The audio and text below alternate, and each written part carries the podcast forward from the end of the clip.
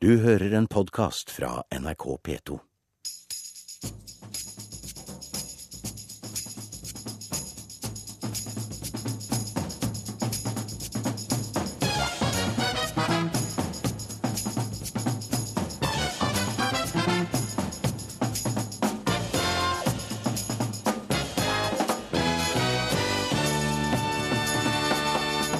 Senterpartiet vil få en snarlig, men verdig død, spår Minerva-redaktør.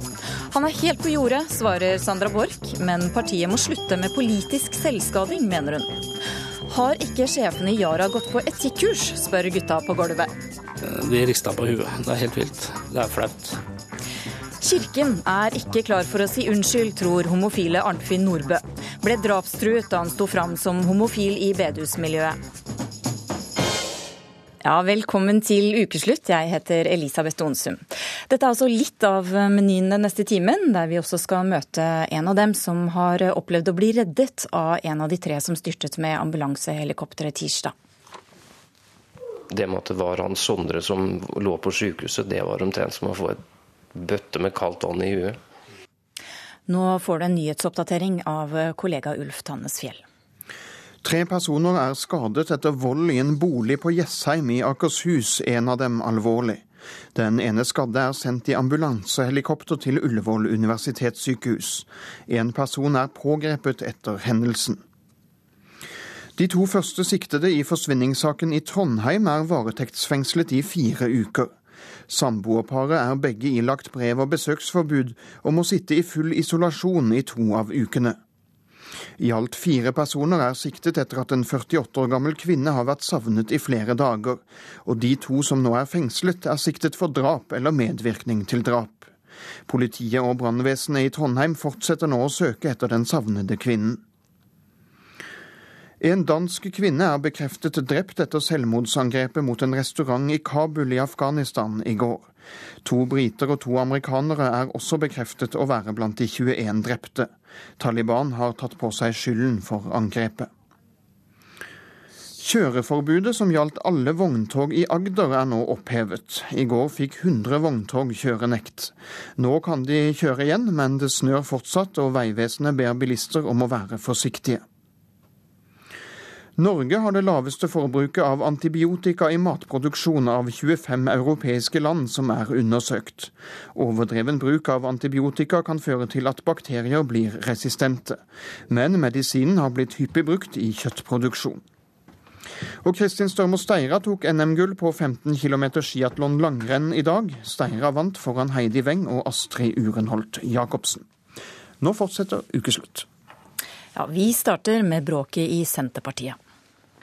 Ja, Liv Signe Navarsete innrømmer dårlig samarbeid i ledelsen i Senterpartiet. Og jeg er nå kjent til å komme med rett ifra levra. I en intern rapport får ledelsen hard kritikk etter valgnederlaget. Jeg tror det er på tide med et skifte. Det kan være trafikkstøy i tunet deres. Om jeg hadde stått på hodet, så hadde det vært helt legalt. Jeg frykter denne klappjakta som starter nå. Den beskriver intern strid mellom Navarsete og nestleder Ola Borten Moe, annet. Jeg veit ikke hvem som har lekka, jeg veit ikke motivet for det. Her er det ugler i mosen. Det må være en målsetting å, å røyke ut den eller de som står bak det. Du er min bonnemann, og jeg er din bondekone.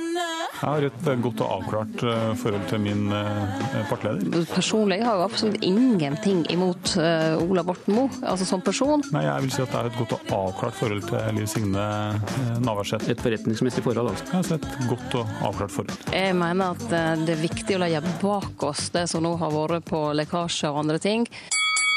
Neste tilleggsperson er fra Trygve Slagsvold Vedum. Takk for det, president. Men da skal jeg gjennomføre det slaget her med så å si. Det er krevende.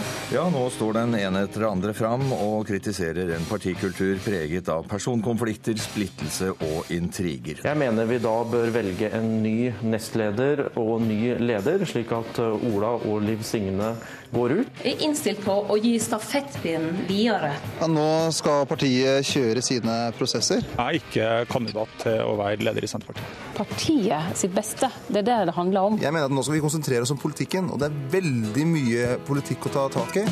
Ingen kommer unna politikken, for at man er servil og snill. Ja, det er hyggelig at folk ønsker meg som leder. Vi får alle opp tid til å tenke hvordan vi skal bidra hver med vårt for å eh, gjøre partiet politisk sett sterkere.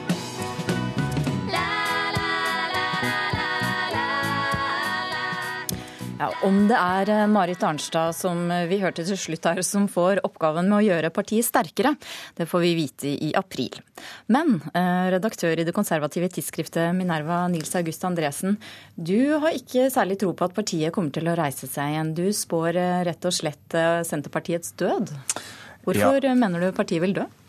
Ja, altså det er, jo, det er ofte at partier blir spådd at de skal dø, og ofte overlever de lenge allikevel. Men det jeg peker på, er at striden i Senterpartiet er litt sånn når krybben er tom, så bites hestene. Fordi Senterpartiet har et velgergrunnlag som forvitrer år for år.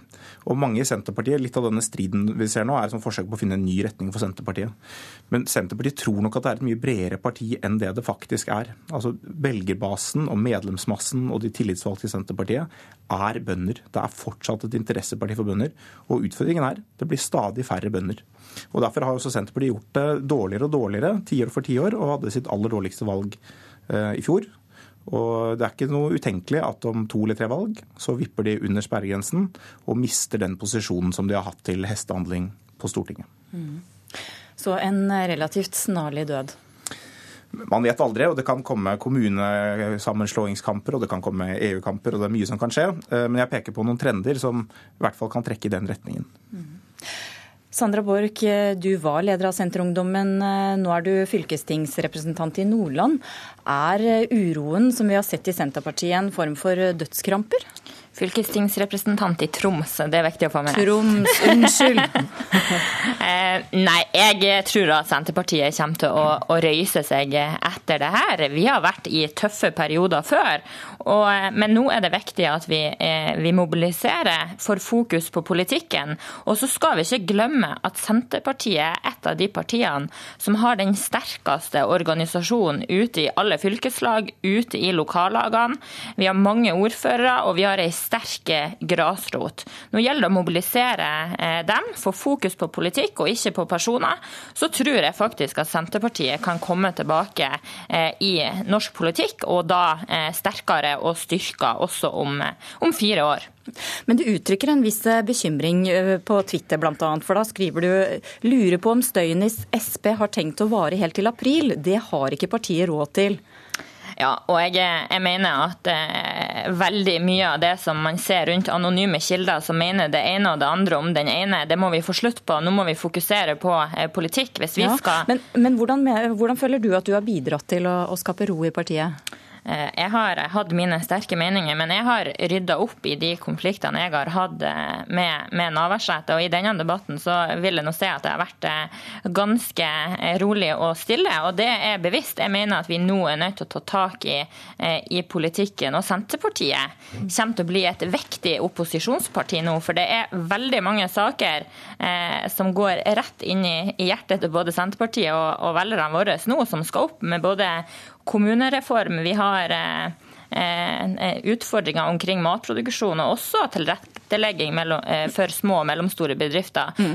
Men, men, men Borch, tror du Navarsete ville svart det samme på det spørsmålet?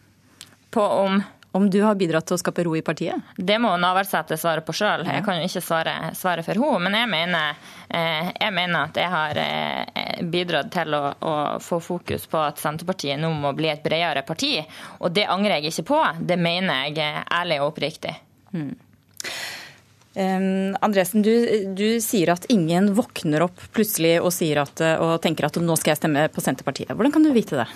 Det er helt sikkert noen som gjør det. Men det jeg mener å si med det er at uh, hvis man ikke kommer med noen bakgrunn fra bondenæringen overhodet, så er det, det, er det, veldig høye barrierer for å stemme Senterpartiet. Og Derfor ser vi også at i byene for eksempel, så står Senterpartiet så svakt at de nesten ikke fins. Så det er, eh, man, Hele partiledelsen er bønder eller bonde født på gård. Sandra Borch er vel vokst opp på gård i Lavangen. og det er, eh, det er, der partiet rekrutterer fra. Jeg ser at Sandra Borch vil gjøre partiet bredere, og det, det, kan lykkes. Men jeg tror det er en ganske krevende prosess. Og det vi ser, altså, Alltid når det går dårlig med et parti, så sier de nå må vi få fokus på politikk. Men jeg lurer på av og til om det kanskje er politikken som er problemet, ikke løsningen. Borch. Ja, jeg, jeg, mener helt klart at vi skal få, eh, få, fokus eh, på politikk, og så er vi uenig i at det er der problemet ligger. Men vi ser jo at vi har hatt diskusjoner, vi har hatt uenigheter. Det er det takhøgde for i Senterpartiet. Er det det? Ja, det er det, og det, jeg, det, ser vi jo også. Det er jo vanlig i alle partier at man på en måte har både ei høyreside og ei venstreside i samme parti, og vi lander på midten i en del, i veldig mange saker. ja, for Du skrev jo bl.a. At, at eh, vi må få slutt på at, at folk kaller oss for Sosialistisk Senterparti. Ja. Må bli kvitt det stempelet. Og at ja. det er bra at vi nå er ute av den rød-grønne regjeringen.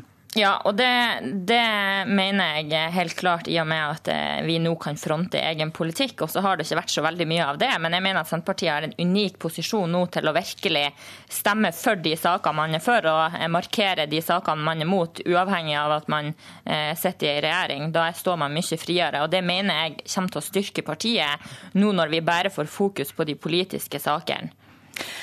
Hvis du, Andresen, får rett, Senterpartiet dør Hvilket parti tror du Sandra Borch kommer til å finne seg til rette i? Ja, altså Det er jo stadig diskusjon. Eh, SV snakker om å slå seg sammen med Rødt og Miljøpartiet og av og til Arbeiderpartiet. Det er litt vanskelig for Senterpartiet å se hvilket parti de naturlig skulle slå seg sammen med. Men de har en konservativ fløy som på mange måter eh, sogner til Bonde-KrF. Men eh, hvis jeg skulle gjette på Sandra, så ville jeg kanskje si Høyre til syvende og sist. Ja, Sandra Borch, vi vet jo at du ikke tror på Senterpartiets død, men, men hva er andrevalget ditt?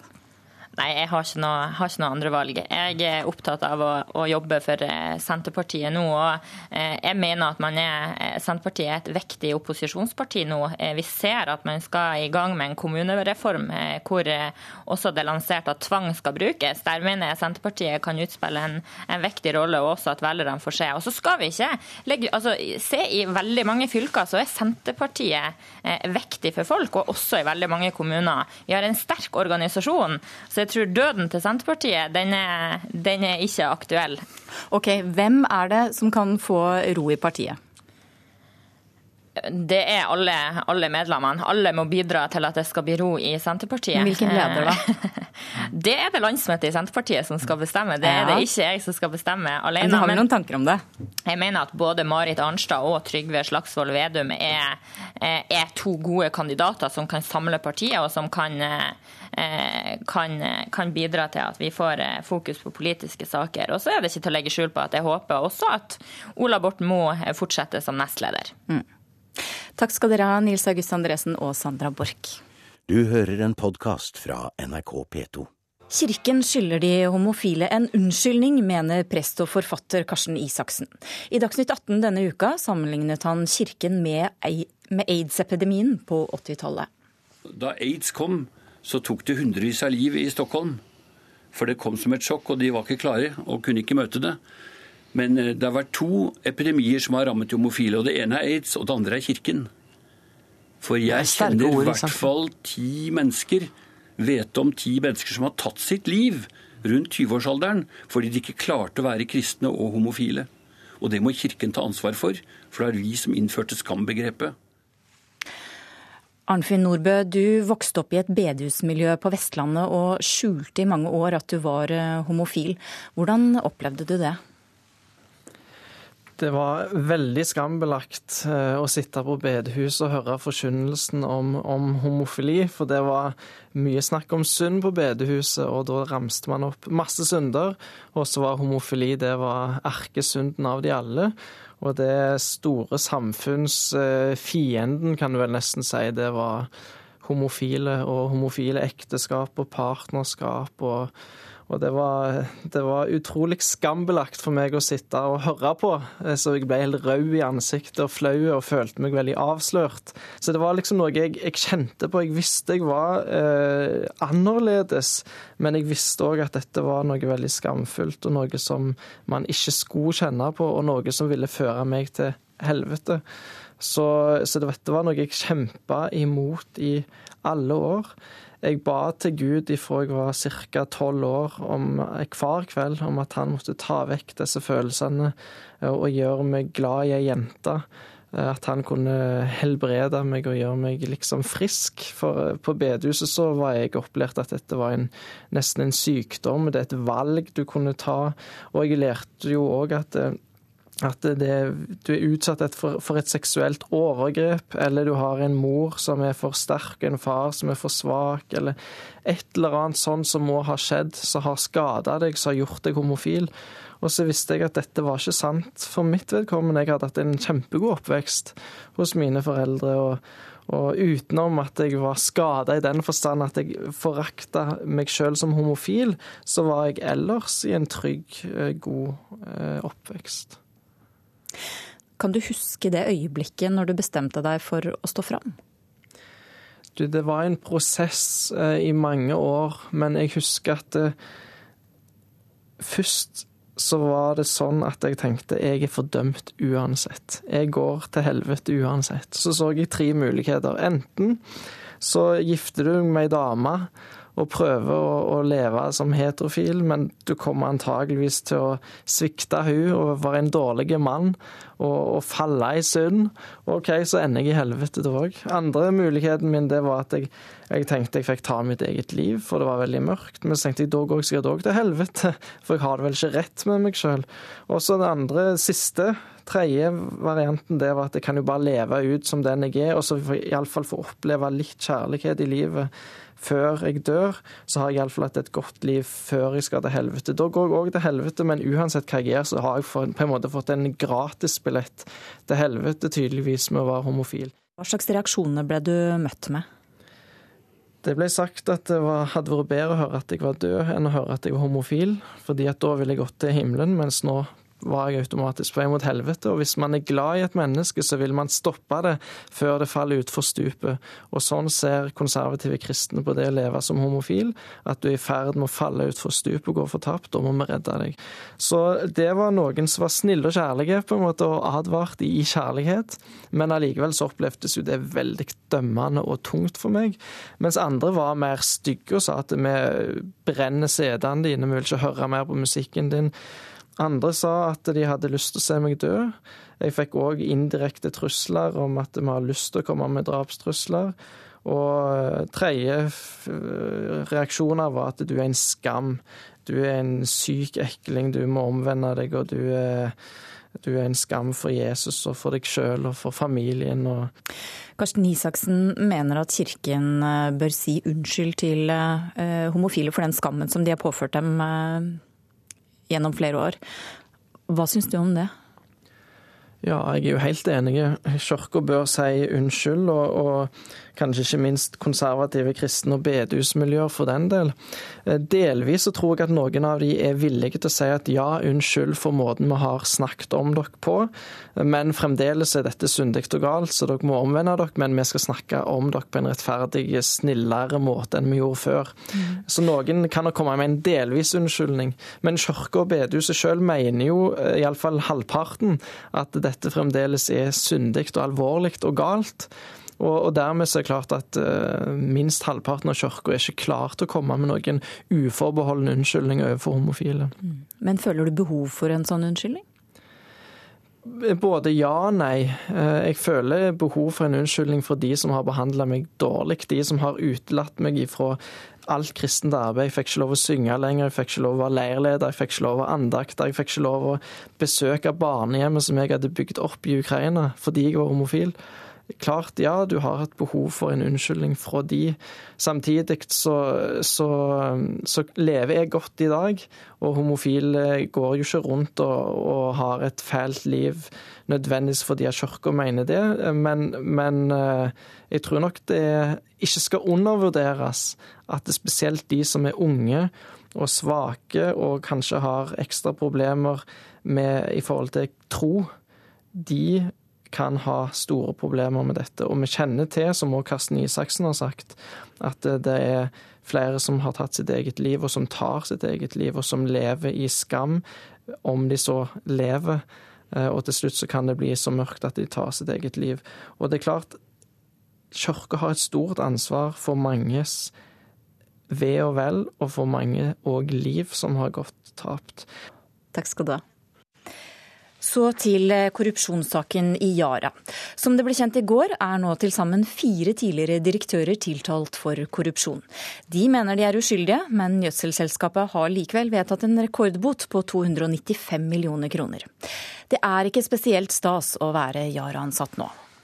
Eh, de rista på huet. Det er helt vilt. Det er vel ikke da du går høyest og, uh, ut og er stolt av at du jobber i Yara. Da går du litt stille i dørene. Jeg, jeg prøver jo selvfølgelig å gjøre det sjøl. Det er flaut. Da, da den dukka opp, så var vi absolutt over overraska. Ja, det er klart. Vi, vi, altså, vi, skal jo ikke drive sånn. Og, og, vi har jo blitt lært opp. Jo, det er jo et program eh, som Yara har sjøl annonsert for alle medarbeiderne, om at eh, sånn eh, som har med etikk å gjøre, og sånn skal man ikke te seg. Så Derfor så kan vi ikke ha forståelse for det. Det blir jo spørsmål, Har ikke ledelsen i selskapet tatt de kursa? Det er jo sånn typiske spørsmål som dukker opp. da. Nei, altså Folk syns jo dette er trist og leit å, å, å lese om eh, hva noen muligens har gjort, eller hva noen blir tiltalt for i avisen og hører på TV og radio. og Det var jo ingen som, i hvert fall ikke her i Porsgrunn, som ante at noe sånt hadde skjedd. Jeg syns det er vanvittig alvorlig når det, når det kommer opp i størrelse av 300 millioner. Da er det en alvorlig sak, og da er det ikke moro å gå gå ut og reklamere med Yara på ryggen, for å si det sånn. Har du lyst til å ta av deg jakka? Ja, jeg, jeg, jeg, jeg, går ikke med jakka på utsida nå. Det gjør jeg ikke. Økonomikommentator i NRK, Steinar Medios. Har ikke lederne i Yara vært på etikkurs? Jo da, de har vært på etikkurs alle sammen, tror jeg. I denne saken så er det jo så såpass spesielt at mannen som var ansvarlig for antikorrupsjonsarbeidet i konsernet Yara, er nå en av de tiltalte. Ja, hva konkret er det Økokrim mener at eh, disse direktørene har gjort? De mener at uh, en av Norges mest uh, profilerte og mest vellykkede toppsjefer, sammen med tre av sine konserndirektører, har vært med på å bestikke tjenestemenn i tre ulike land. Og det er gjort da avtaler om dette for å fremforhandle gunstige avtaler for Yara. Går det frem av tiltalen? Mm. Det var i Dagens Næringsliv som, som, kom med avsløringene. Ble du overrasket over at eh, et norsk selskap eh, skal ha vært innblandet i en så omfattende korrupsjonssak? Altså, jeg, jeg blir egentlig ikke det. Eh, jeg blir ikke overrasket fordi at selv om det er gjort vedtak om nulltoleranse for korrupsjon eh, internasjonalt, og at Norge har undertegnet på det, så er det ikke slik at korrupsjonen blir borte i disse landene. Man dyrker gjerne illusjonen om at Norge er et eh, helt rent land, og at vi er helt uten korrupsjon og uten skitt på fingrene.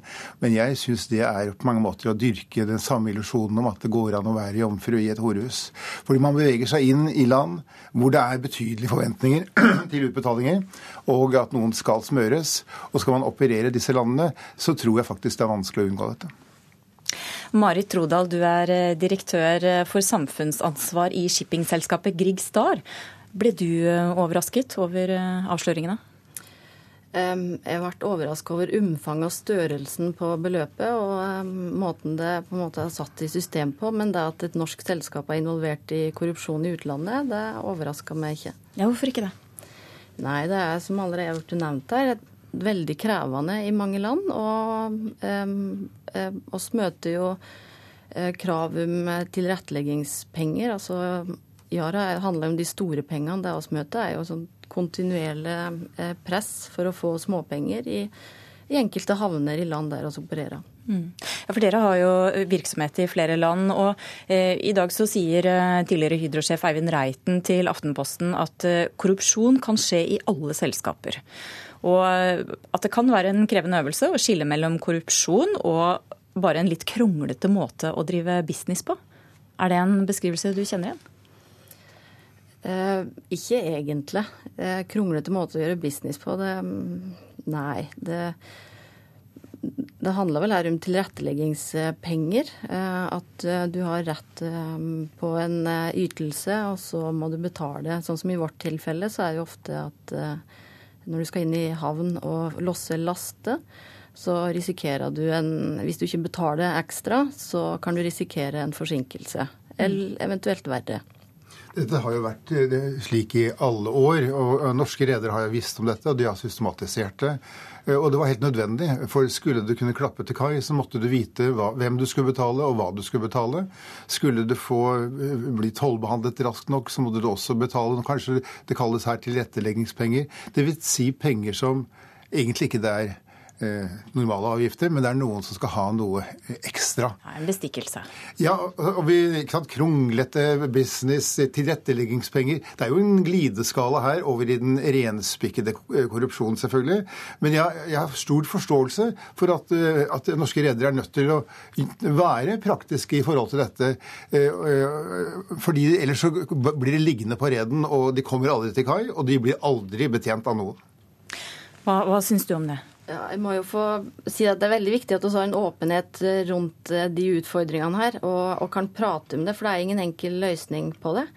Og Innenfor shipping så har han jo tatt konsekvensen av strengere lovverk og etablert et felles eh, bransjeinitiativ eh, der oss har inngått samarbeid med United Nations Development Program eh, og lokale myndigheter i Nigeria for å kartlegge korrupsjoner i Nigeria. Og Det er jo fordi at vi ser at dette er ikke noe som enkeltselskaper eller noen få selskaper klarer å takle alene. En må eh, være åpne med utfordringene og jobbe i fellesskap.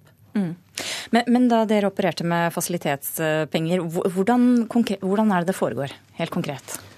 Jeg kan ta et eksempel. Eh, Suezkanalen den blir gjerne omtalt som eh, Marlboro-kanalen. Eh, Der har det vært vanlig praksis og at losen, når han kommer om bord, så forventer han å altså kreve direkte kartonger med Marlboro-sigaretter, som da er en del av lønninga til han. Det er også høyere fra andre plasser, og sannsynligvis er tilfellet her òg, at det fordeles opp i systemet og er en del av lønna deres, som da sannsynligvis er en luselønn i utgangspunktet. Eh, Så det har vært vanlig praksis. Eh, Etter hvert så er det flere som har begynt å nekte å, å si at oss kan ikke gi ut eh, kartonger, fordi eh, det er fasiliteringspenger, det òg. Har dere vært blant de? Oss har nekta. Oss opplevde for eh, eh, noen år tilbake at eh, det kom en los om bord og ba om seks kartonger med Marlboro. Og når, når vår kaptein nekta, så så nekta losen å utføre jobben sin. Så han slepte roret og lot eh, Og her måtte da kapteinen overta styringa over skipet og få trygt gjennom kanalen. Så da utgjør det jo en, en sikkerhetsrisiko det å la være å, å betale.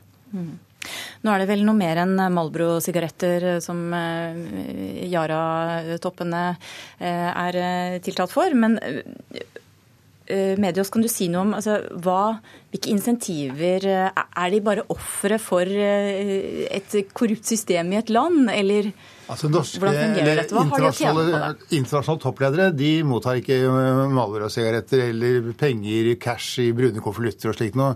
Det som er ganske vanlig, tror jeg, det er at man blir belønnet på annet vis.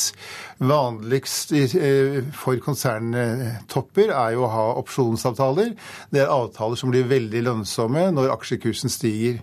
Eh, De kan også ha bonuser for å fremforhandle gode avtaler. Og hvis vi ser på den typen insentiver for de fire menneskene det er snakk om i Yara i dette tilfellet, så har vel de hatt eh, Summen av bonuser og deres eh, aksjeopsjonsavtaler er vel verdt nærmere 200 millioner kroner i den perioden dette har pågått. Så det er reelle fristelser. Men er det mulig å, å drive helt ren business hvis du etablerer deg i land hvor det, som er eh, korrupt, vil du si? Jeg tror det er veldig krevende, eh, men det er viktig å, å være eh, solid til stede og ha, um, ha god kjennskap til, til lokalkulturen, uh, tror jeg. Og så har f.eks. ekskludert Nigeria fra våre kontrakter fordi vi vurderer risikoen som for høy. Uh, De som er nede der, uh, som jeg møtte da jeg var der òg, det er jo solide selskaper som jobber aktivt mot korrupsjon, dem, og da er de der og har muligheten til å påvirke det lokalt. Så, eh, men så summa summarum, det, du må i hvert fall være veldig aktivt eh, involvert for å påvirke. Til slutt, Medios. Korrupsjon eh, kan forekomme i alle selskaper, sier Reiten. Kommer det nye avsløringer? Helt sikkert. For hvis vi tar utgangspunkt i de tallene som World Economic Forum har lagt frem, og som jeg så senest i dag i Dagens Næringsliv, så snakker vi om årlig korrupsjonsmengde på 2600 milliarder dollar. Og det er veldig mye penger. Eh, og dette skal altså distribueres gjennom sånne korrupte systemer. Og dette betyr at man har altså ikke på noe vis fått slutt på dette, til tross for internasjonale avtaler. Eh, Norske ledere, internasjonale ledere, fire av ti sier at de opererer i land hvor korrupsjon er helt vanlig. Takk skal dere ha for at eh, dere kom eh, til ukeslutt. Du hører på Ukeslutt i NRK P1 og P2. Fortsett med det å høre at OL-låta fikk terningkast én av VG. Nevrotisk skyting av spurv med kanon, mener Hank von Helvete. Og synes Frp det er greit med halal og hijab i Forsvaret, eller ikke? Solveig Hornes utdeling av Mangfoldsprisen skaper debatt i Frp.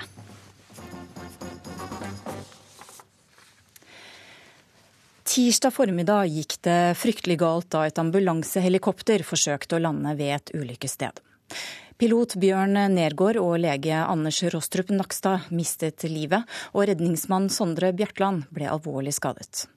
Reporter Aksel Wilhelm Due har møtt en som har opplevd å bli reddet av Bjartland.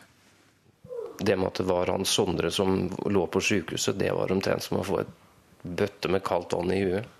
Petter Auren er småbarnsfar og ektemann.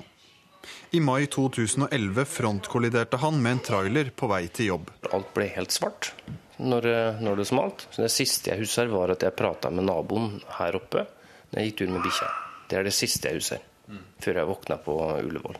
Fire minutter etter frontkollisjonen går alarmen på helikopterbasen på Lørenskog. Redningsmann Sondre Bjartland er en av tre som hopper i den røde dressen for å gjøre det de gjør hver dag redde liv. De har jo dratt meg ut av, ut av bilen. De har jo delt bilen. Petter husker ikke hva som skjedde. Det kan være stor sjanse for at jeg har sovna i og med at jeg har eh, to små gutter. Ifølge politiet kom hans bil over i motsatt fil og traff en trailer front mot front.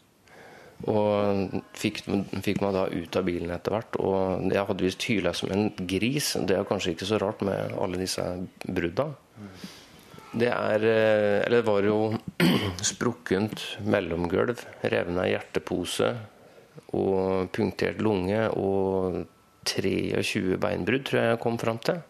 Petter jobber i dag som snekker og øreklokker med radio som han hører på hele dagen. Tirsdag denne uka kom nyheten som slang han tilbake til sin egen ulykke. Jeg tror det var nyhetene klokka sju eller åtte. Som de sa da at navnet på de omkomne, og at redningsmannen var Sondre. Og det, da kjente jeg at det var, det var voldsomt. To år etter ulykken tar Petter med seg sønnene på tre og fire til helikopterbasen på Lørenskog for å møte redningsmann Sondre Bjartland. Jeg kjenner den jo ikke, men allikevel så jeg, følte jeg at jeg kjente den. For da vi var inne på basen nå, så var inne på basen, så var det sånn Når han møtte oss i, i døra, var sånn, da kjente jeg håret reiste seg. Og underbevisstheten min fortalte meg at han vet du hvem er. Men jeg husker jo ingenting av det. Yes, nei, vi går inn, da. Du er ikke redd for bikkjer? Nei. Eieren av bikkja heter Arild Thorseth og er pensjonert redningsmann i Norsk luftambulanse. Det er noterier. Han drar fram en rød kjeledress fra garderobeskapet. På brystet står det 'Redningsmann Arild Thorseth'. Ja. Du spurte om jeg hadde kjeledressen min fortsatt, og det har jeg. Den ligger her i skapet. Og eh, her, Jeg har til og med utstyret som jeg hadde i lommene når jeg var på vakt. Da. Hva er dette for noe? Her har du alt fra venefloner og plaster og sprøyter og andre triksige ting som er gode å ha. Det har eh, Det er en stor del av identiteten, den resten her. Det er det. Det betyr noe å gå rundt med navnelappen med navnet ditt på, så redningsmann. Det gjør det. Tirsdag denne uka er han på vei til Oslo for å holde et kurs i livredning. Han hører også på radio, akkurat som Petter Auren. Det var eh, gode kompiser, alle tre. Spesielt Sondre redningsmann og jeg, da vi har jo hengt mye sammen. Det har vi. Sammen på samlinger og jobbet sammen på basen i Ål. Hjalp hverandre når det trengtes. Og Bjørn Nergård har jo flydd med i mange år, mange oppdrag. Vært på flyoperative samlinger hvor flygere og redningsmenn er samlet. Hei. Hei, vennen. Hei. Utenfor hovedkvarteret til Norsk Luftambulanse i Drøbak møter Arild en gammel kollega. Så nå er det bare måtte, måttet bare komme. Det er så bra, da. Ja. Det er så rart og fælt og ufattelig det som er rundt oss nå. Blomster og kondolanser har strømmet til etter dødsulykken tirsdag. To kolleger er borte, og én ligger fortsatt alvorlig skadet på sykehuset. Tenker selvfølgelig på, på de pårørende. Jeg kjente jo godt kona til flygeren. da. Anders, doktoren, han har ikke flydd som jeg, han bare kjente jeg jo som en utrolig trivelig kar. Det er kjempegutter alle de tre. Før Arild går inn til blomsterhavet, stopper han foran et gammelt, nedsnødd rødt helikopter som står foran hovedinngangen. Har du tenkt på hvordan det var i cockpit og i helikopteret på tirsdag akkurat idet de traff? Ja, det har jeg tenkt på. Og når rotoren eh, kapper den eh, ledningen, og den surrer seg rundt eh, rotorhodet, og kapper de pitchlinkene, som vi sier, de som styrer rotorbladene, så lever jo rotoren helt sitt eget liv. Det er ikke til å kontrollere i det hele tatt. Så uansett hva flygeren eh, har prøvd å gjøre da, så har ikke rotorbladene Lystra i det hele tatt. Han har hatt nubb sjans. Hva er det beste man kan gjøre for å hedre minnet deres? Fortsette tjenesten. Stå på. Redde liv. Det er det vi er skapt for, tror jeg.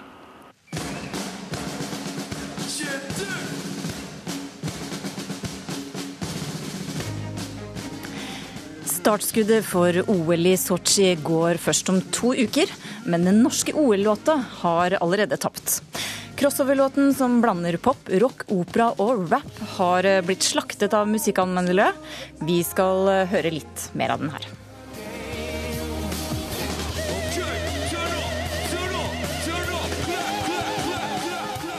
Hans Erik Husby, også kjent som eh, Hank von Helvete i Turboneger.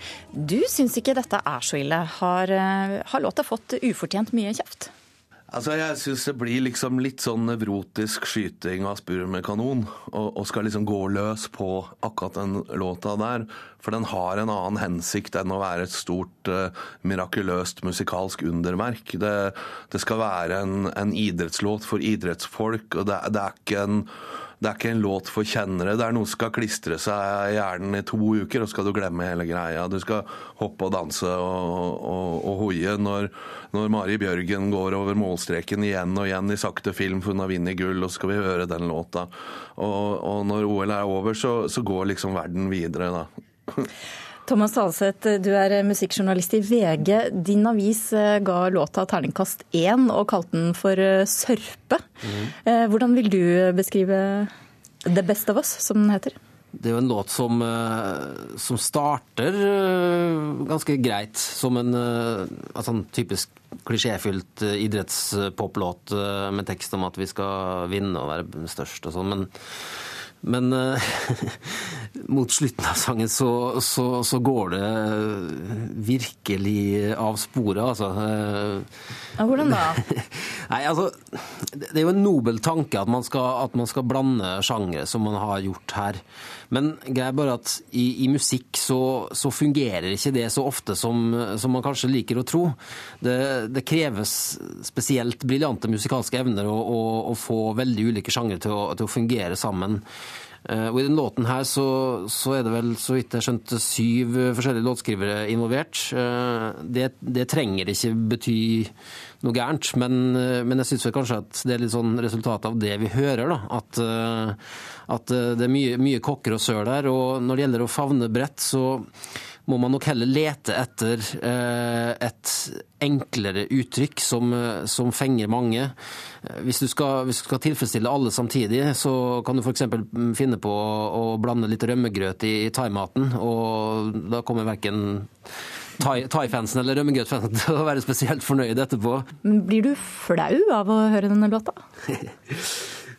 Det går fint i begynnelsen, eh, men eh, Nei, altså det, det, det, når, når det, er front mot front-kollisjon mellom, eh, mellom litt sviskepop og, og rapping og opera og, og progrock på tampen der, så jeg, blir kanskje litt flau, men jeg blir, i godt humør, da. Men kanskje ikke helt slik det var tilsiktet. Nei. Husby? Nei, altså, ren, Den rent musikkfaglige analysen Thomas har, den, den, eh, den er jo for, skjønner jeg jo veldig godt. Så, så det er ikke det. altså. Eh, Som, som eh, produsenten sånn, er ikke helt ferdig ennå. Og, og, og, og det kan jeg være enig i, men jeg er ikke enig i at det er en terningkast én-låt. At den er helt i dass. Nei, for Det vil jo overraske kanskje noen at, at du med din fortid i Turboneger syns at dette er OK å høre på? Ja, men det- foregår en evolusjon nå rent musikalsk. Altså, det, det, er en annen, øh, det er en annen musikkbransje nå enn da jeg og Thomas begynte å interessere oss for musikkfaget. Det skal mye mer til for å få låter til å bli historiske og klassiske og stå for evig tid. Vi, vi står overfor litt nye tider øh, alle sammen, og, og prøve å tenke nytt og prøve å, å, å få oppmerksomhet, det er en kamp. Og det er klart, for anmelderstanden så er det òg liksom en kamp om oppmerksomhet nå.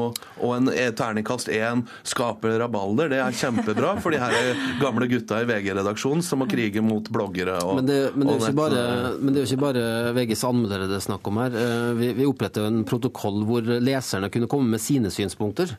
Og, og, og selv med, med nærmere 4000 som deltok der, så var snittet fortsatt på terningkast én. Og, og det hender vi oppretter så sånne protokoller, og det, det er veldig sjelden at så mange stemmer, og man likevel ender opp på laveste karakter i snitt. Så det, det sier jo litt om at, om at folket uh, er enig med oss her. fordi om det er noe folket liker å gjøre til vanlig, så er det å være uenig med anmelderne. Eh, så så det, det her er et spesielt tilfelle. Ja, Altså. så vi kan slå fast at mange ikke liker låta, men samtidig så er det litt sånn Skal man ikke være litt raus, og skal det ikke være lov å slå litt på stortromma? Det er OL, og folk skal inspireres, så kan man ikke dra til litt da med litt opera og Man, man, man, må gjerne, man må gjerne dra på, for all del. eh, Altså, øh, å lage slike låter til slike anledninger, det, det, skal jo fortrinnsvis være, være storslått og, og, og pompøst.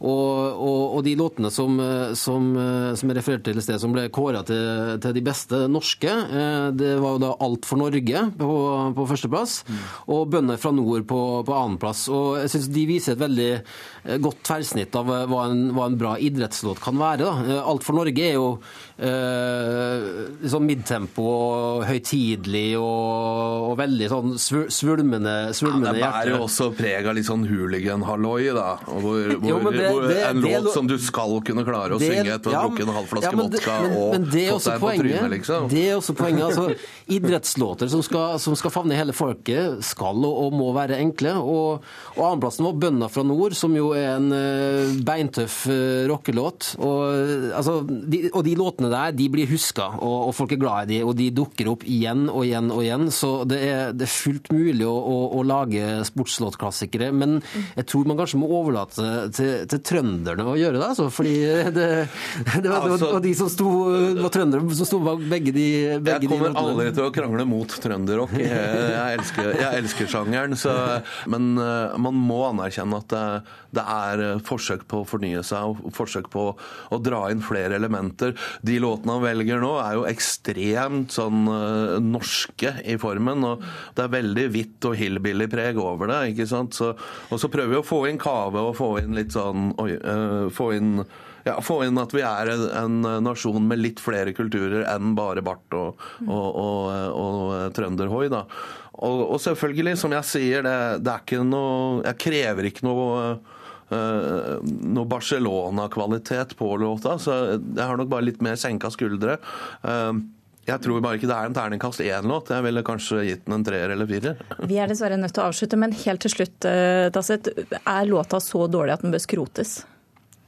Det er fortsatt litt tid til OL. Jeg tror faktisk den er langt på vei skrota allerede. Uh, altså av, av, av folket. Den, den, er så ettertrykkelig avvist at jeg, jeg ser ikke at den låten her har noe fremtid, rett og slett.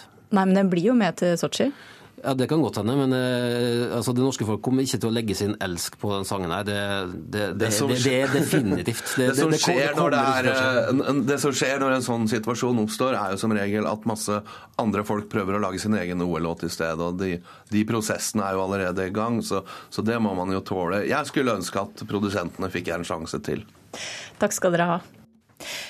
Inkluderingsminister Solveig Hornes utdeling av Mangfoldsprisen til Forsvaret, som tillater bruk av hijab og halalmat i kantina, har skapt debatt denne uka. Ikke minst internt i Frp. Statsråd Horne fra Fremskrittspartiet delte ut prisen, mens partikollega Christian Tybring-Gjedde mener prisen strider mot partiets program. Da er vi messa på krigsskolen, der vi spiser til daglig. Ahmed er kadett ved Krigsskolen på Linderud i Oslo, og en av dem som benytter seg av halaltilbud i Forsvarets kantine. Det står halal her, eh, som du ser. Tilbud om halalmat i Forsvaret gjør hverdagen enklere for Ahmed. Ved å uh, ha det tilbudet, så tilrettelegges det for at jeg kan ha fokus på uh, den utdanninga som jeg er for å få. Sånn at jeg ikke slipper å tenke på disse tingene her. Da. Og det klart, det er positivt. Det motiverer. Halalmat i kantinen er et tiltak som skal trekke minoritetsungdom til Forsvaret, hvor de som vil også får bruke religiøse hodeplagg. Dette fikk Forsvaret Mangfoldsprisen for. Prisen ble overrakt av integreringsminister Solveig Horne fra Fremskrittspartiet.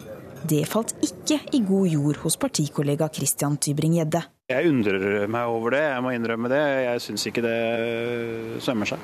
Det strider mot gjentatt gjentatte eh, vedtak i stortingsgruppa om at vi ikke ønsker den type form for eh, religiøse symboler til nøytrale uniformer. Jeg syns ikke verken Forsvaret eller noe annet offentlig instans skal tilpasse vårt samfunn til ulike former for religioner. Vi bør være mest mulig nøytrale, og det er et godt prinsipp.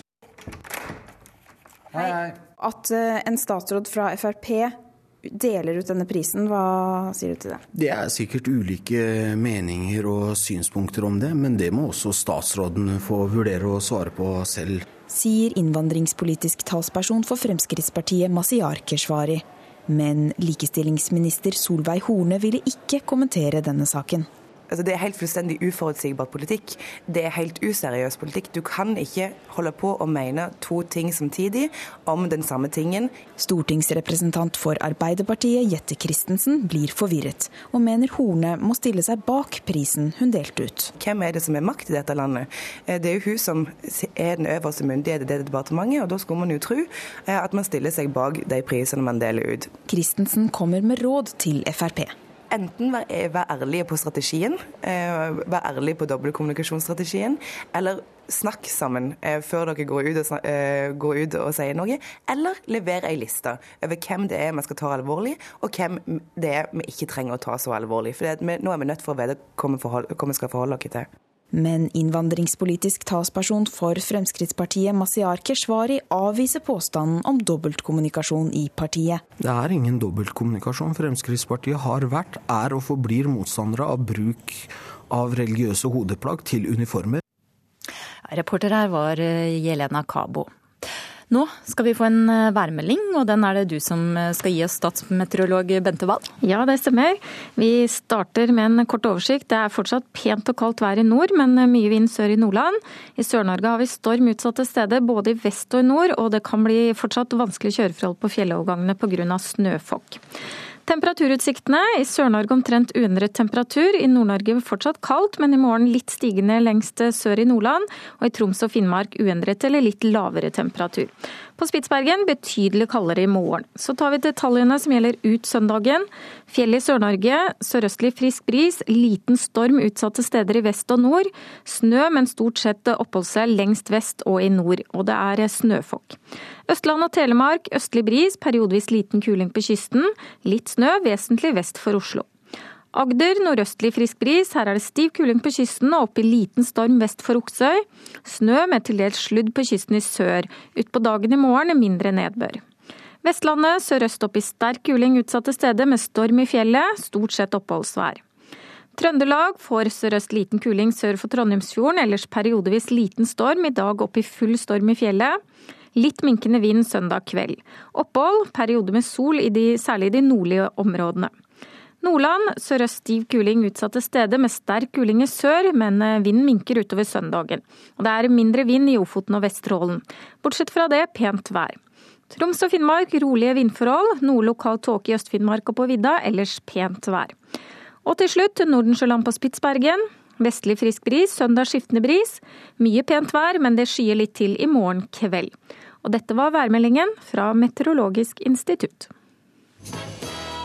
Og dette var ukeslutt for denne gang. Eh, ansvarlig for sendingen var Kari Li. Teknisk ansvarlig Beate Haugtrø, skrift Lars Christian Rød, og jeg heter Elisabeth Onsum.